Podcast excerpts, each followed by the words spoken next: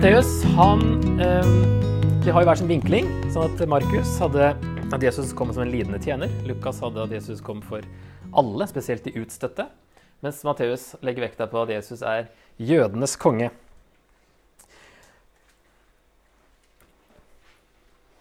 Er det noen som vet hva de her har til felles? Er det noen som kjenner igjen noen av dem? De var på en uh, dokumentar. Ja, det gjør de. Alle tror de er Jesus som har kommet igjen, tror jeg. Så den dokumentaren het 'Messias', um, da de gikk gjennom uh, disse her. Så han første er en, uh, en brasilianer som har, jeg tror han har sånn, Det ser ut som han har tolv disipler på alle bilder. Og han driver og blir båret rundt på en sånn trone. Holder noen taler og sånt for disse, den lille gjengen. Han andre er en japansk politiker. Og så er det to afrikanere. Vet ikke hvilket land, men uh, de påstår begge to at de er Jesus. Og så er det en russer her som uh, tidligere politimann, tror jeg, som plutselig da fant ut at han var Jesus, egentlig. ok. Um, de som av oss som nå har liksom et, et, kjennskap til den ordentlige Jesus, da. Opp mot disse her. Hva tenker vi da? De passer ikke vårt bilde av Jesus. Altså De som var jøder, når Jesus kom, så passa jo ikke han inn i bildet de hadde av Messias. De forventa en annen Messias, og eh, Matteus eh, skriver nok sitt evangelium for å eh, Det kommer vi til, men altså for å eh, oppmuntre de som faktisk tror på Jesus, på at han jo han er rette Messias. Og de står kanskje i litt clinch med de som mener at de tar helt feil. Så eh, hvem var da de første leserne? Eh, og det er liksom I tilfellene evangeliene så må man liksom prøve å plukke opp litt spor. Da. Hva, er det, hva er det tyder på? For han sier jo ikke, sånn som Paulus sier jo tydelig hvilken menighet han skriver til. Da er det litt lettere å finne ut av ting. Mens evangeliene så står det ikke tydelig. Eh, så det er jo ment å være mer generelt også, men, men eh, da må vi liksom se hva er det som skiller ut Matteus fra de andre. Så det er ting som tyder på at det var mange jøder i hvert fall, blant de leserne hans. fordi hvordan åpner hele evangeliet? Ja. Slektstavla til Jesus. Veldig viktig for jøder. Kjempekjedelig for eh, vestlige kristne. som ikke bryr seg om sin egen familie. Som ikke, det er litt sånn så Det er mye mer kollektiv og familietankegang i andre land. Ikke sant? I hvert fall i Østen. Uh, mens her er vi individualister og osv. Men det her er veldig viktig for Matteus å starte sånn, og det er viktig for jødene å se at han må være riktig slekt. Og så er det hva er det som er annen sånn uh, ting som, som, Noe som er typisk for Matteus-evangeliet? Ja. ja. Han viser uh, hvordan veldig mange gammeltestamentlige profetier ble oppfylt med Jesus. Han forklarer ikke jødiske skikker, slik som de andre evangelistene. Han tar det for gitt at uh, leserne skjønner hvorfor jødene gjorde sånn og sånn. Mens Markus har liksom en parentes med at uh, de vaska hendene før de spiste fordi bla, bla, bla. Jesus kalles jødenes konge fire ganger i dette evangeliet. Og så i stedet for Guds rike så bruker Matteus uttrykket han, ikke, han nevner et par ganger Guds rike, men han snakker mye mer om himmelens rike, eller himmelriket. Og Det er en sånn uh, omskrivning som som uh, tyder også på at det var jøder uh, han skrev til. Fordi uh, de starta jo tidlig å ikke bruke Javé som navnet på Gud i GT. Og også i Nytestamentet her så skulle man unngå å si liksom Gud. Det ser vi også moderne jøder òg. De skriver ofte G-D for å liksom ikke stave hele navnet. Og det funker på både engelsk og norsk. det blir det samme. Um, og de sa liksom navnet istedenfor å si faktisk navnet. Men de kalte Gud for navnet, eller eh, Ja. Så han, det er også tyder på at han skriver til jøder, da. Og så er det også løsere gammeltestamentlige sitater. Det er ikke sikkert vi eh, ser det så lett, da. Men eh, det er jo fordi jødene kjente jo tekstene veldig godt. Du trenger ikke å sitere ordrett når eh, publikum kan det så veldig godt. At du bare slenger ut en assosiasjon, og så vet de akkurat hvor det står, og hva som står rundt, og kontekst, og hva det betyr. Så um, Trolig så skriver han til jødekristne i konflikt og debatt med den større gruppen av ikke-kristne jøder. Så det kan jo være at det er noen uh, jøder som er står litt på vippen, som kanskje det her ville virke overbevisende for. Og Temaet er da er Jesus egentlig Messias. Når han er plutselig en annerledes Messias. De forventa en som skulle fri dem fra synder, ikke fri, fri dem fra synder, men fri dem fra undertrykkelse og slaveri. Men så kommer det en Messias som ikke gjør det, men som i stedet fokuserer på syndene. Liksom. Det er en annen type. Så noen stikkord for å summere opp det her. Altså, Matteus er det kort det, kort om Matteusevangeliet, sto det. Det mest jødiske evangeliet. Og derfor passer det jo at det kommer først i NT. Så skulle det neste stå på neste linje. Bare fikse det. At det er 130 henvisninger til Gammeltestamentet. Så han lager liksom en bro fra Gamle til Nye testamentet. Også med den slektstavla. Er det noen som vet hvilken bok som står sist i jødenes bibel? Altså jøde Gamle testamentet? Ja? Krønikebøkene? Ja. Og hvordan begynner første krønikebok? Slektstavle. I ni kapitler. Den er lang. Og første og andre krønikebok var jo én bok, da, så den var ikke delt opp den gangen. Så det er siste boka. Kanskje da Sigfrid har skrevet sist, men den står sist da i, i jødiske bibler. Så den siste boka i GT starter med en slektstavle, og Matteus begynner med en slektstavle. Og det er nok for å hente opp igjen historien og koble seg på Gammeltestamentet og historien der, som ikke er avslutta. Det er en veldig åpen slutt på Gammeltestamentet. Så nå fortsetter historien, og han skriver på den måten fordi han nå, nå blir det oppfylt. Eh, han har flere profetsitater enn noen annen bok i Nytestamentet. Og den formelen som han bruker da, er jo sånn cirka sånn som den her. Alt dette skjedde for at det ordet skulle oppfylles, som Herren har talt gjennom profeten. Den bruker han ti ganger, en som ligner på den. sånn cirka. Og så er det mange andre òg uten dette uttrykket. da. Hensikten er å vise at eh, Jesus oppfylte profetiene om Messias og var jødenes konge.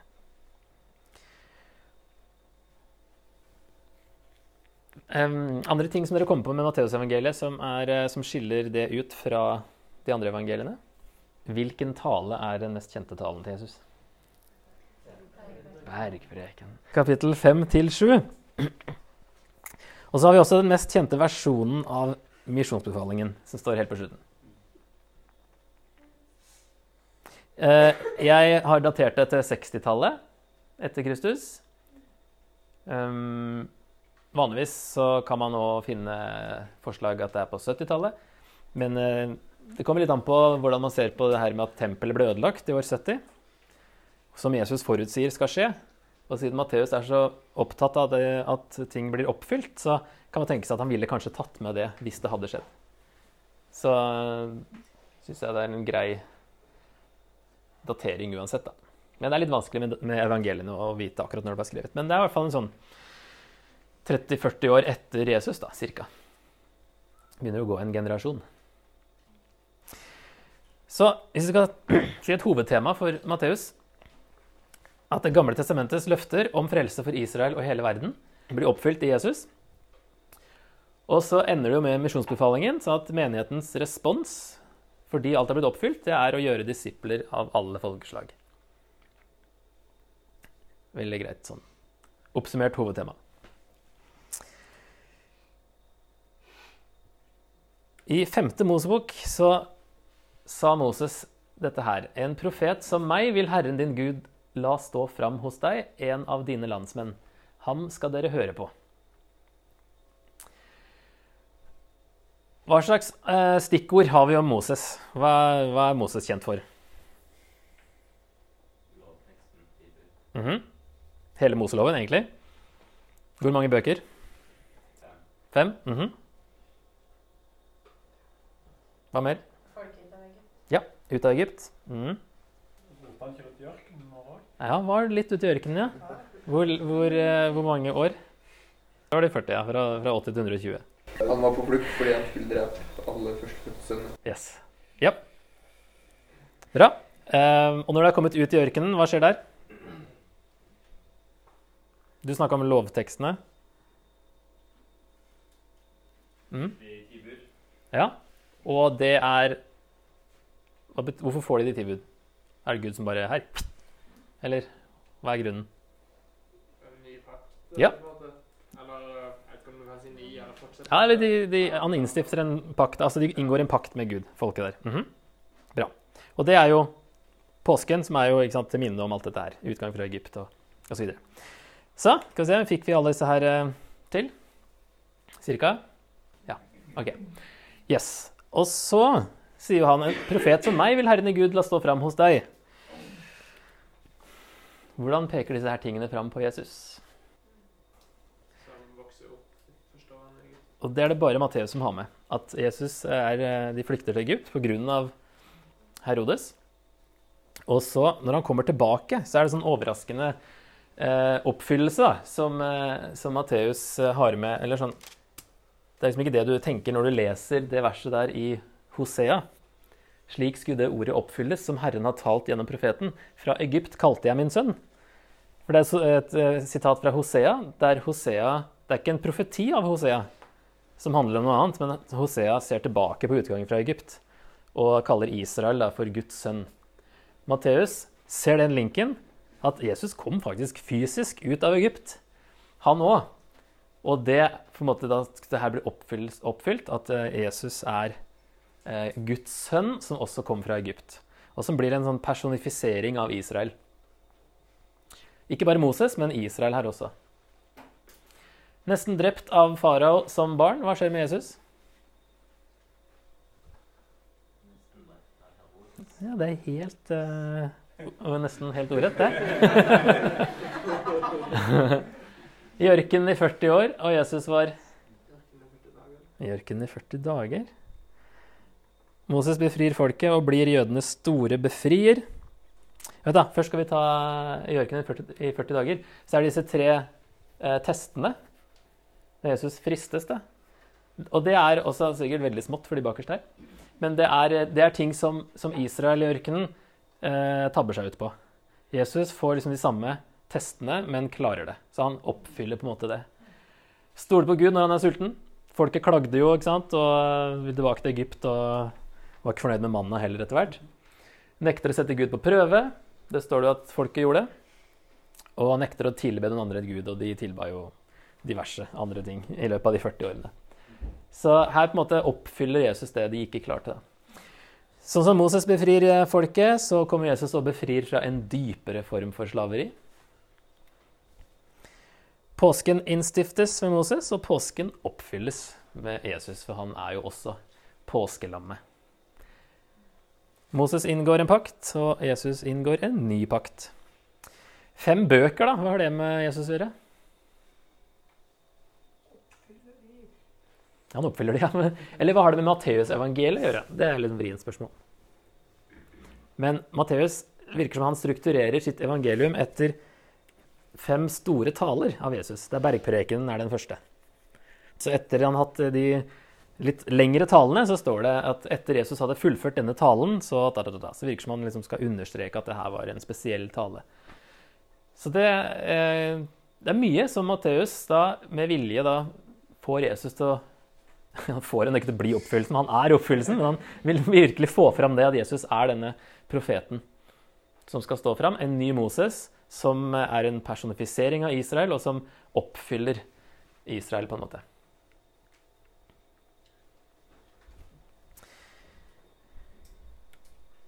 kommer det masse på én side, men det er til gjengjeld hele evangeliet på én side. Men for å få en oversikt over disse fem talene, hvordan de, blir, hvordan de blir, deler inn evangeliet, så kan vi begynne med en intro. da. Det er liksom barndom og døperen Johannes og, og sånt. Kapittel 1-3. Jesus' slektstavle og fødsel. Og døperen Johannes som forløper til Jesus. Og det begynner jo i Galilea oppe i nord, som de fleste evangeliene. Så kommer del én, det er tale nummer én. Og den delen, altså den avsluttes med tale én, bergpreken. Men nå er jo bergpreken nesten hele den delen. For det er bare kapittel fire som ikke er den talen. Jesus begynner å forkynne at himmelriket er nær. Dvs. Si Guds frelsesplan for verden har kommet nær med Jesus. Han helbreder som et tegn på at Guds rike griper inn. Og så avsluttes det med første tale, bergpreken, kapittel 5 til 7. Del 2 kan vi eh, kapittel 8 til 10. Jesus gjør flere undre og avslutter med andre tale til disiplene idet han sender dem ut, kapittel 10. Han sier at de må forvente både positiv og negativ respons på forkynnelsen om himmelriket. Del 3. Jesus selv får også både positiv respons hos folket og en voksende motstand hos folkets ledere. Den tredje talen, kapittel 13, består av lignelser om himmelriket, og spesielt det at riket ikke vil komme fullstendig til syne før senere blir en oppmuntring i motstanden. Som også vil være en oppmuntring til leserne, som også sikkert følte på den motstanden når de var en minoritet som faktisk trodde at Jesus var Messias. Del 4, kapittel 14-18. Flere undre og konfrontasjoner. I kapittel 16 begynner han å undervise disiplene mer privat og begynner å snakke om sin død og oppstandelse. Peter røper at han fortsatt forventer en militær og ikke en lidende Messias. Når han, Jesus spør jo hvem sier dere at jeg er. Jo, du er Messias, Guds sønn. Og så ja, bra, Peter. Eh, jeg skal lide og dø. Og så stå opp igjen. Nei, du skal ikke lide og dø. Da tar du feil, Jesus. Vik bak meg, Satan, sier Jesus. Så han eh, vet at han, liksom, han kaller han Messias, men har en annen definisjon av Messias fortsatt. Og Den delen ender med en fjerde tale om disippelrelasjoner i kapittel 18. Spesielt om barn og tilgivelse. Det er det som er litt sånn tema. Og Det er da Galilea-biten, de første fire. Og så del 5, 19-25. Da kommer Jesus til Judea og Jerusalem og har flere konfrontasjoner med de ulike gruppene av lederne i Israel. Den femte talen handler om ødeleggelsen av tempelet og gjenkomsten, kapittel 24 og 25. En lang tale over to kapitler. Og så er det klimaks eh, til slutt. Kapittel 26 til 28. Påskemåltidet får en ny betydning. Jesus arresteres, dømmes til døden for blasfemi, men står opp igjen. Evangeliet avsluttes med misjonsbefalingen, hvor han som universets konge sender disiplene ut for å gjøre flere disipler. Det er ikke helt pedagogisk med så mye tekst, men jeg tenkte det var greit å få en litt sånn gjennomgang. Så har jeg lyst til å se på den slektstavla, jeg. For å liksom uh, forløse den litt. um, for hva er det Matteus gjør her? Og er det noe mer enn at uh, det er liksom bare for å finne ut hvem Jesus var? Dette er ettertavlen til Jesus Kristus, Davids sønn og Abrahams sønn. Så kommer de navnene her. Abraham, Isak, Jakob, Juda, Peres og Sera med Tamar. Hesron, Aram, Aminadab, Nashon, Salma. Boas med Rahab. Boas fikk sønnen Obed med Ruth. Obed fikk Isai, og Isai ble far til kong David. David fikk sønnen Salomo med Urias kone. Salomo fikk Rehabeam, og så kommer det kongelista her, da. Um, og Joshia ble far til Jojakin og brødrene hans på den tiden da folket ble bortført til Babylon. Etter bortføringen til Babylon fikk Jojakin sønnen Shealtiel, Serubabel um, Jakob ble far til Josef, Marias mann. Av henne ble Jesus født, han som kalles Kristus.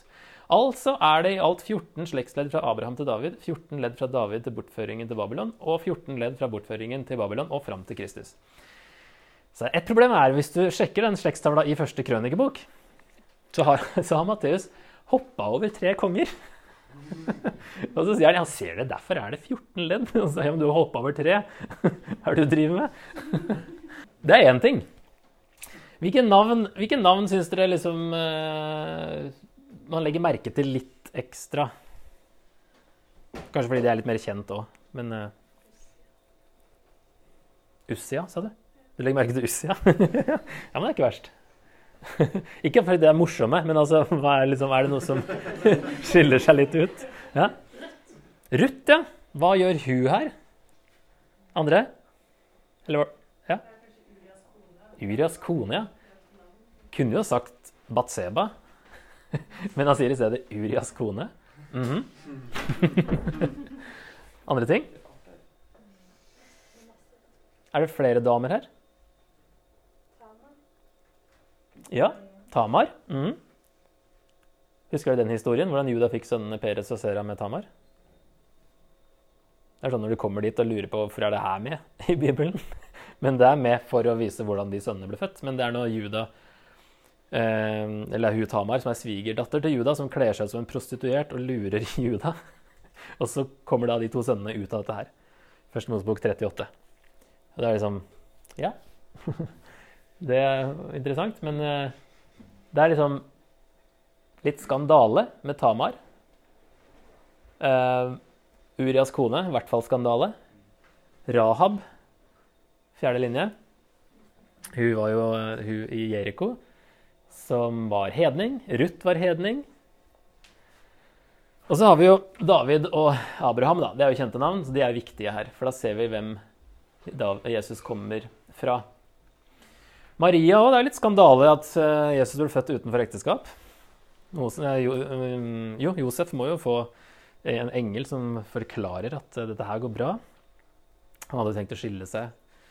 Det var jo såpass bindende, en sånn forlovelse, at eh, han skulle skille seg fra henne. Så alle damene her, enten er det skandaler, eller så er det hedninger som kommer inn i, i i slektstavla. Og så er det jo David, altså Messias måtte jo være Davids etterkommer. Og Abraham har jo det løftet han fikk i Første Mosebok 12 om at eh, en etterkommer av han skulle bli til velsignelse for hele verden. Så det er, de er veldig viktige for å vise at Jesus kom av de to. Og så er det damer osv. hedninger. Og, ja. og så er det 14, 14 slektsledd osv. Så, videre. så det er kongerekka, eller kongelista, hele veien da, fra Abraham. Så følger vi liksom da Kommer vi til David, og så kommer vi etter hvert til, til Jesus. Um, som på en måte er jo ikke, Han er jo ikke bokstavelig en biologisk sønn av Josef, men han får eh, arveretten fordi Josef sto i den rekka her.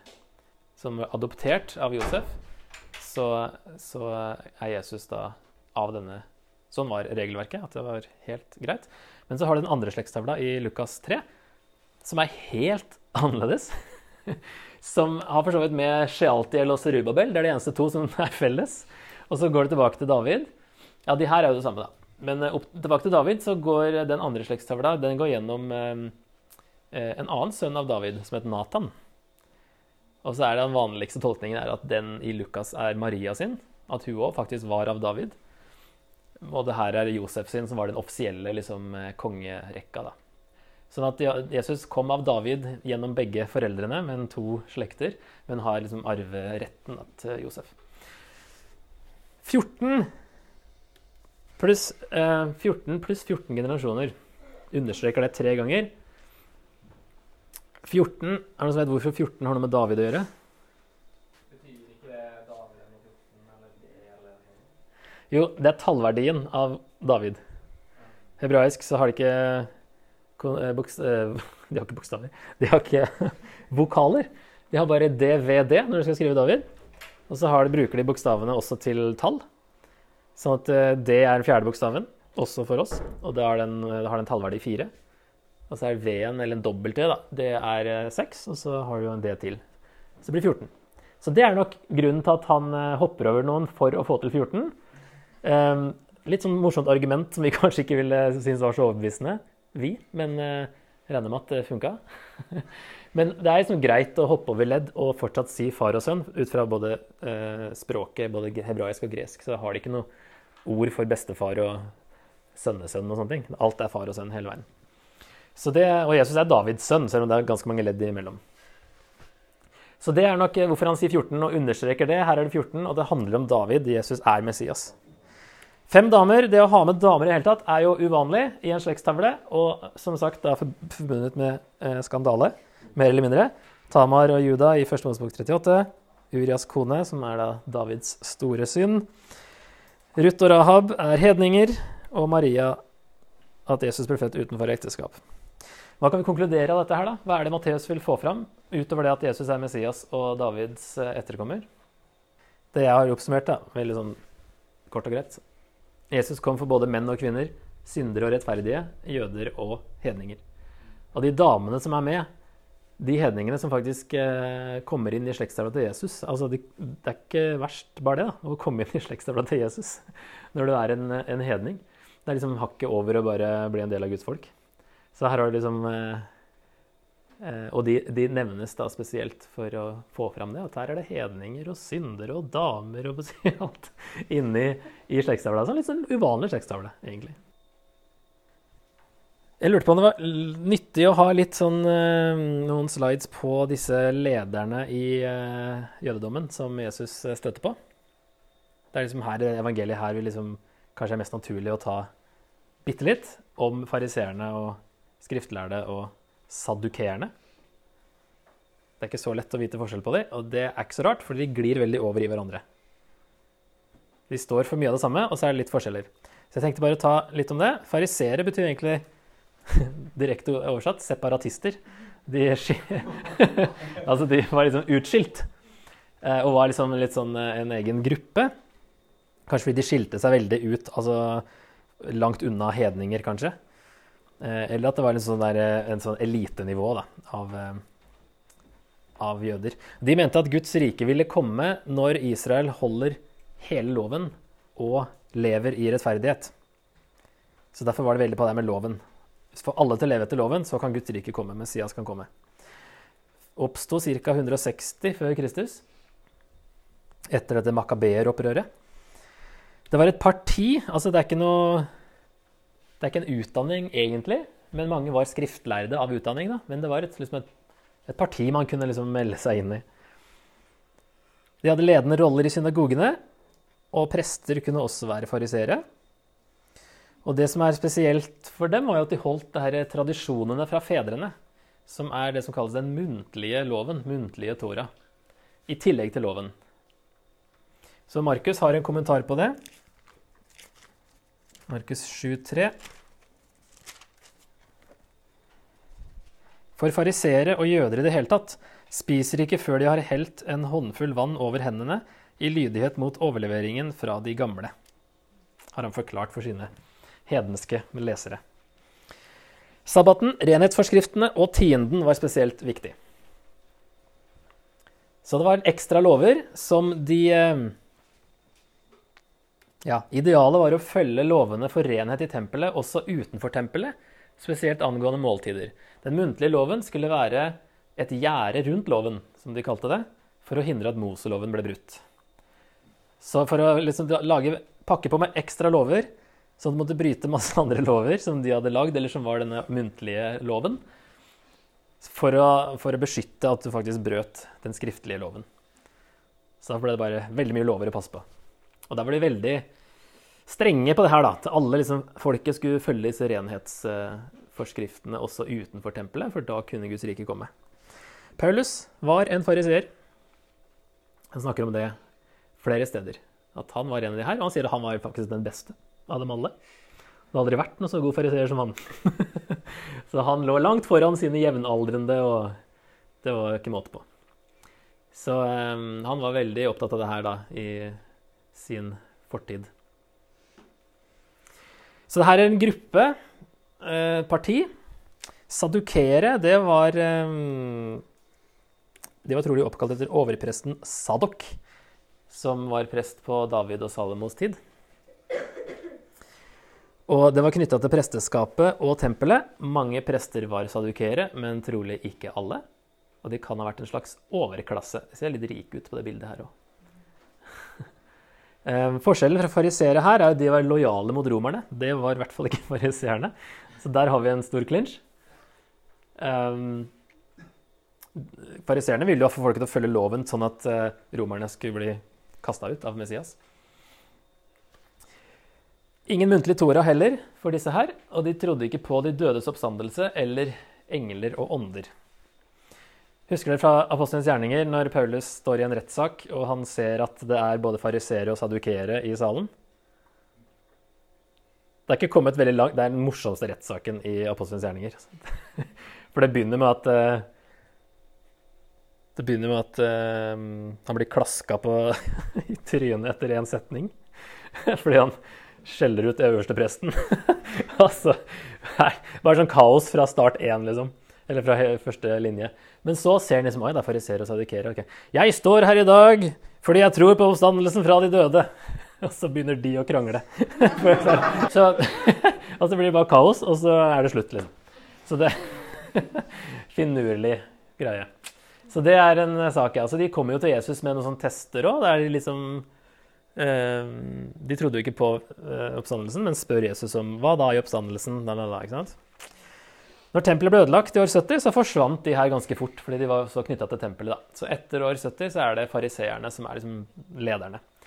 Så i Johannes-evangeliet, som er skrevet kanskje rundt 90-95, så er, liksom, da er det bare fariseerne som dukker opp egentlig i evangeliet. Han har kontekstualisert litt til den tida han skriver på. Skriftlærde, da, det er et yrke. Og det var lærere som skulle forklare loven for folket. Og de kalles òg i Bibelen for lovkyndige og lovlærere. Og i engelske bibler står det 'lawyers'. Men Det er altså ikke advokater, men det har med Moseloven å gjøre. Og det ble kalt rabbi. Eh, de skulle ha en jobb ved siden av, så det var liksom sånn, ikke heltidsyrke, dette her. Men, og det brukes nesten synonymt med fariseere, selv om de kan skilles. Det står noen steder at de skriftlærde blant fariseerne sa ditt og natten eller spurte et eller annet. Men eh, andre steder så kobles de så sammen at det er nesten samme gruppe. Esra eh, kalles en skriftlærd i Esra 711 i GT. Så det er liksom forskjellig. Eh, Fariseerne er et parti, skriftlæreren en utdanning, og sadukere det er liksom en presteoverklasse. Som eh, er enig om eh, i hvert fall at Jesus ikke er Messias. Men så er de uenige om andre ting. Så de samarbeider jo mot Jesus, da. Selv om de ikke var gode venner alltid. Og så er det en gruppe som heter herodianerne, som òg er med og samarbeider. Og det, når fariseerne og herodianerne slår seg sammen, da er det virkelig to ytterpunkter. De som støtta Herodes, som var en sånn eh, konge under romerne. Og så har du fariseerne. Så de, de slår seg sammen, alle de her grupperingene, for å ta Jesus.